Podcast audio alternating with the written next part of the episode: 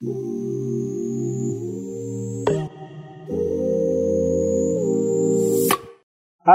jumpa lagi di podcast Geotel Kenonsa. Kali ini masih edisi Romanto. Jadi kita mau bahas uh, hubungan antara geoscience sama hari kiamat. Hari ini spesial gue kedatangan GWC kedatangan founder setelah lama berpisah. Ada Om Misbah. Halo, jumpa lagi Om Misbah. gimana Eh, para eh, likers dan subscriber Subscriber Geowater Channel Indonesia kabarnya Di versi- ini kebetulan saya lagi buka puasa nih di sini di Bandung Hmm. lagi makan bakso bareng jadi temanya ini agak menyeramkan Oke, satu lagi nih ada tamu kita nih spesial. Jadi tamu kita juga seorang aktivis eh, geologi, aktivis mantan aktivis himpunan di zamannya, dan sekarang juga eh, aktivitas sehari-hari sebagai junior researchers ya. Terus rencana mau sekolah S2 di luar negeri. Namanya Om Riksan. Boleh kenalan dulu? Assalamualaikum warahmatullahi wabarakatuh. Ya betul saya tadi yang disebutkan oleh Pak Ahmad. Saya Riksan Tardiana. Oke, kita nih silakan Om Misbah kita mau ngobrolin antara geoscience ya, geoscience dan skiamat. ini suara udah ke- kerekam ya Udah, udah ini kita jalan. Ini pertama saya makasih dulu kepada Pak Ate atas undangannya. Kedua, ini makasih nih kepada Dede yang udah persiapan teknis. Jadi bisa siaran lagi, mengudara di langit ya. Pengendara Ini- di podcast. Ini siaran pertama saya di saluran Oh, enggak, enggak. Audio oh, ya? kedua, kedua. Oh, kedua ya? Kan Oh, podcast iya, dulu kita tiga tiga Iya, kali iya. sama. Oke. Ini dua ini ya. Ini nih ayam bakso. Ini kita lagi buka puasa bareng bakso. Jadi karena sambil makan, menurut Ustadz itu berinformasi boleh sambil ngobrol tapi ngobrol yang bermanfaat. Jadi kita Ya. artinya karena di Roma, Ramadan edisi antara hubungan antara apa namanya geoscience dan kiamat. Silakan, coba. Oke. Eh, jadi siap-siap. Ini temanya menakutkan, menyeramkan. Tapi kita ambil sebagai wawasan ya, pengetahuan. Dalam sebuah hadis disebutkan bahwa umur dari umat Nabi Muhammad itu dalam perhitungan Allah Subhanahu Wa Taala itu adalah satu hari dan setengah hari. Satu hari dan setengah hari. Setengah hari. Berarti satu setengah hari. Betul. Oke. Satu setengah hari ya. Penasaran? Oke. Sekarang kita sudah tahun berapa Masehi? Kita 2019. Oke. 2019 Kalau hijriahnya udah berapa tahun? 1400. Oke. Oke. Di dalam surat Al-Qur'an disebutkan satu hari dalam kadar malaikat dalam perhitungan Allah itu adalah seribu tahun ukuran tahun manusia. So 1000 tahun berarti Kalau satu tahun kemudian dia setengah hari berarti berapa? 1500. Betul. Sekarang kita tahun berapa? 1500 versi Hijriah. Menurut hadis Hijriah 1500. Nah, sekarang kita tahun berapa Hijriah? 1500 1400. Oke, ada jeda berapa tahun? 610 tahun. 100 atau berapa tahun? Enam- 60 tahun selisihnya. Kan kalau Hijriah sekarang 1400, 1400. 1500. Ada berapa tahun? 6 600 eh 60 tahun selisihnya. 1400 dengan 1500. Tolong dibantu ya. Ya maksudnya itu sebutan sekarang itu 1401 Hijriah. Ya, Jadi betul. Dengan 1500 selisih berapa tahun? 100 tahun. Betul. Ini Loh, ntar dulu sekarang kan kita 1400 1440 Hijriah. Sekarang itu 1440. Oke. Sedangkan tadi kan prediksi kan 1500. Oke, berarti ada sisa 60 tahun. Oke. 60 tahun ya. Hmm. Kalau dimasehikan berarti sekitar 2020, 2080 ya. 2080. Jadi gini, Eh 2000. kita kita sepakat Hmm. umur umat Nabi Muhammad sejak Eh, diutusnya kurang kurang gede tuh suaranya tuh. Sejak diutusnya Nabi Muhammad itu adalah satu hari setengah hari Hmm. satu setengah hari kalau ukuran kadarnya eh, Allah Subhanahu Wa Taala itu 1500 tahun Hmm.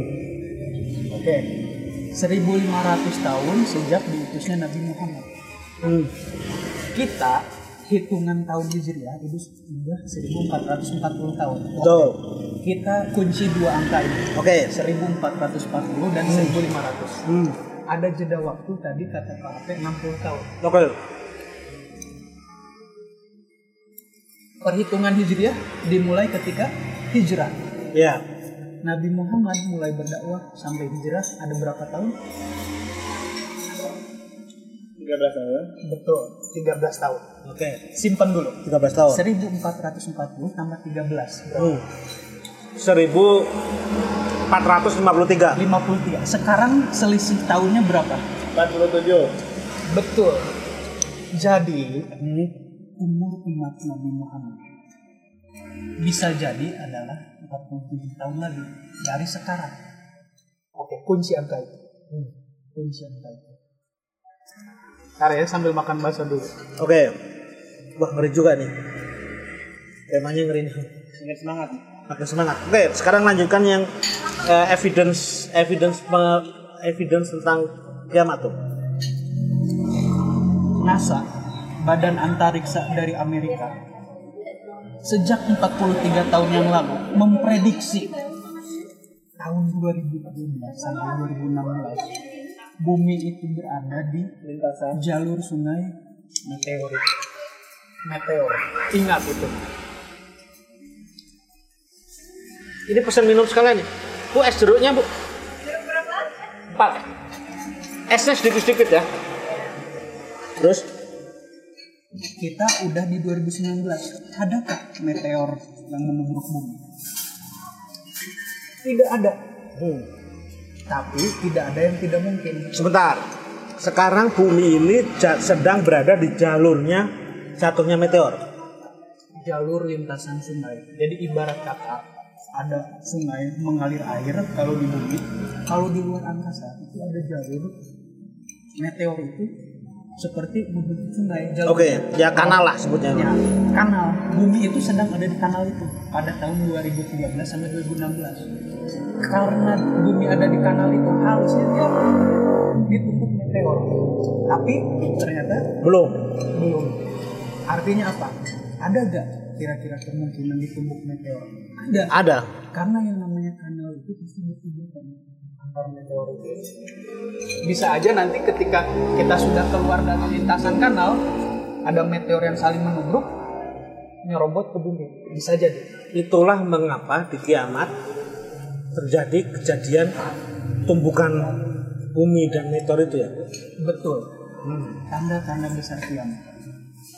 Salah satunya adalah bintang berekor menubruk bumi. Bintang berekor ini adalah meteor. Oke. Inilah yang mengganggu kestabilan di bumi. Kalau meteor jatuh, itu permukaan tubuhnya itu pasti mengeluarkan asap.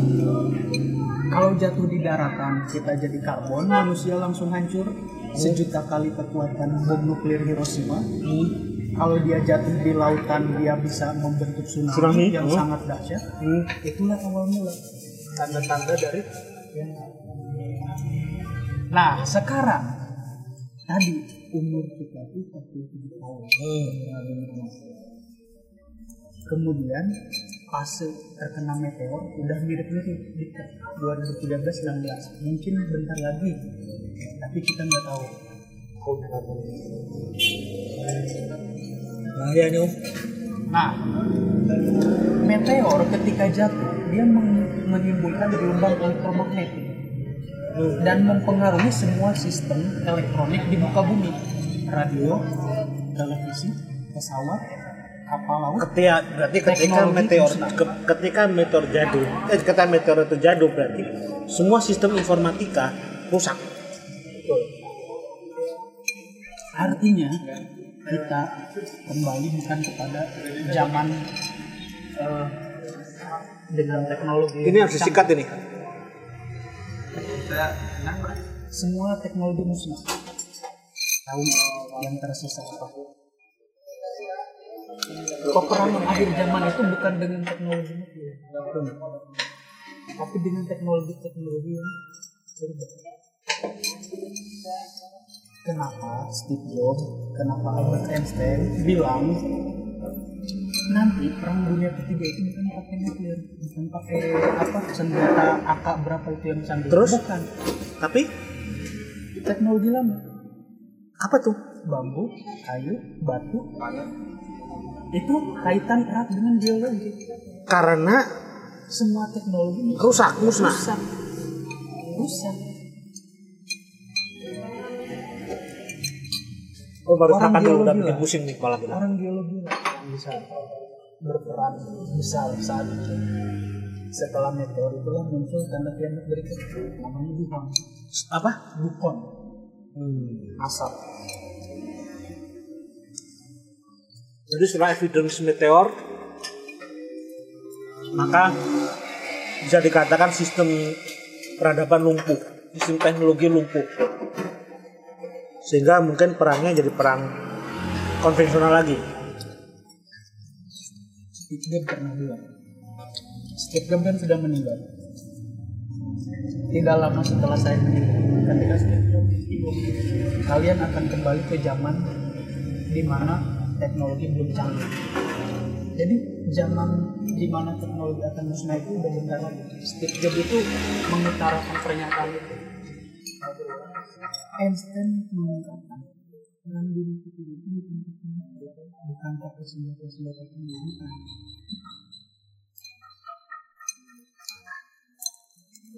Oke. Pertanyaan berikutnya. Tadi yang setelah meteor jatuh ada asap-asap tadi apa? Dufon.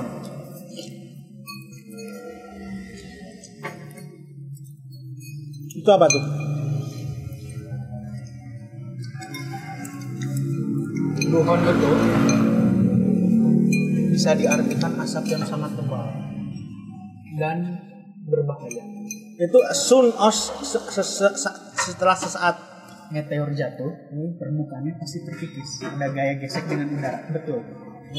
Meninggikan asap. Itu tuh salah satu sumber dari Duhon. Asap itu. Jadi itu bawaan dari me- perjalanan meteor lah ya.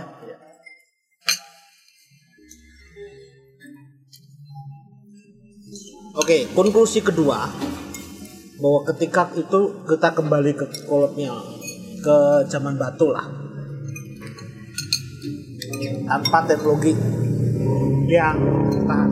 Satu-satunya ilmu yang bertahan sampai yaumul akhir berarti tinggal Geo- geoscience, Geoscience. Yang bisa geologi menjelaskan bumi, yang bisa menjelaskan bumi, samudra, ocean, samudra, ocean, cuaca, meteorologi, meteor, astronomi. geoscience, Geoscience. art science tepatnya. Earth Science. Jadi bagi anda yang seorang Earth Science, kalaupun sekarang susah nyari kerja, nunggu kiamat. Lowongan kerja banyak. Peluang kerja banyak. Jadi penga- pengamat pengamat hari kiamat. Jadi pokoknya asal kuat sampai 50 tahun aja hidupnya.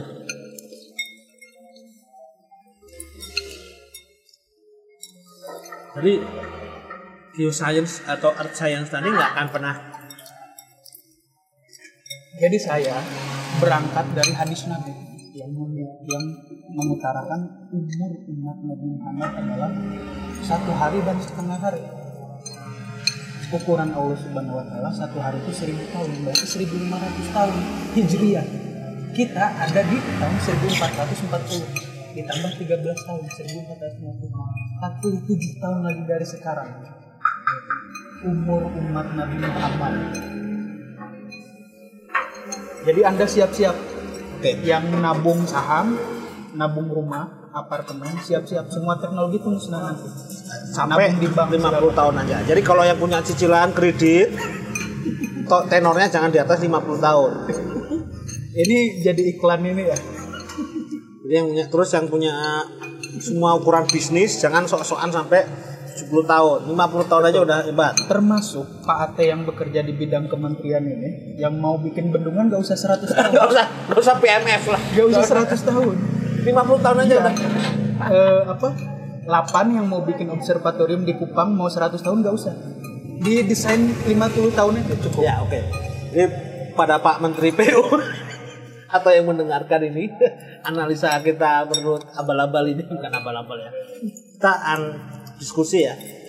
Jadi bisa jadi angka safety faktornya itu sampai tenornya itu anggapnya tenor bangunan itu 50 tahun. Cukup ya? Sekarang ditutup closing sama Ustadz. Ustadz tolong eh, pelajaran apa yang penting buat kita nih? Menghadapi fakta, bukan fakta ya. Prediksi eh, semi ilmiah gitu ya. Terhadap eh, bahwa kita akan menghadapi kiamat. Yang kedua, eh, hancurnya peradaban dan kita harus seperti apa? Eh, silakan Ustadz eh, Riksan. Beliau ini eh, geoscience tapi akar akar agamanya kuat. Kalau kita akarnya pas-pasan, silakan. Ya, jadi setelah apa yang dipaparkan oleh saudara kita, Misbah dan Pak Ahmad, yang bisa saya tangkap itu adalah apa yang bisa kita persiapkan untuk menyambut eh, tragedi kiamat yang sangat hak akan kedatangannya ya. Satu Sebagai- rukun iman yang wajib. Ya, yang harus kita imani ya, itu kan bagian dari rukun iman juga. Mungkin yang bisa kita siapkan itu tentunya eh Harus nikah dulu, enggak? Untuk para pemuda yang masih nge- masih mengejar apa ya? Fata morgana dunia karir gitu ini ya yang belum nikah. Eh, alangkah alangkah baik dan bijaknya untuk eh, mensegerakan menikahnya. Soalnya nggak tidak ada Buruk kiamat. ya itu juga sangat dianjurkan ya kalau nggak ada alasan yang Kalau yang baru satu, dua boleh juga ya. oh iya iya betul betul. Sensor nih. Betul betul, saya kan slotnya ini masih sampai 4 dan insya Allah pun nanti eh, mendekati hari kiamat itu perbandingan laki-laki dan perempuan akan sangat melonjak Eh, satu bisa satu sampai 50 jadi satu laki-laki 50 perempuan. Kenapa bisa gitu? Soalnya mendekati hari kiamat pun itu akan terjadi perang di mana perang tersebut itu ya seperti kita ketahui ya kalau perang kan eh, mayoritas laki-laki. Ya, seperti itu. Terus apa lagi? Hmm, apa ya? Yang paling esensial kalau menurut saya emang kita siapkan fisik, keimanan dan apa ya? Segala bentuk eh itu aja sih. Itu aja sih Pak. Oke, terima kasih. Terima, ka- terima kasih Pak Riksan, uh, Om Misbah. Jadi ini obrolan podcast kita versi kali ini. Apa ya kita bisa tarik kesimpulan bahwa ya gini bukan obrolan yang ngaco juga enggak, bener juga ya ada benernya ya. Jadi menghadapi fitnah akhir zaman ini beribadahlah seolah-olah besok kita mau mati. Kemudian kejarlah dunia seolah-olah seribu tahun lagi masih tersisa. Moga-moga bermanfaat podcast kami. Ya, kalau salah dari kami kebodohan kita nggak pengen so tahu kita coba melihat melihat apa yang kita pahami saja. Oke gitu aja. Assalamualaikum. Bye bye.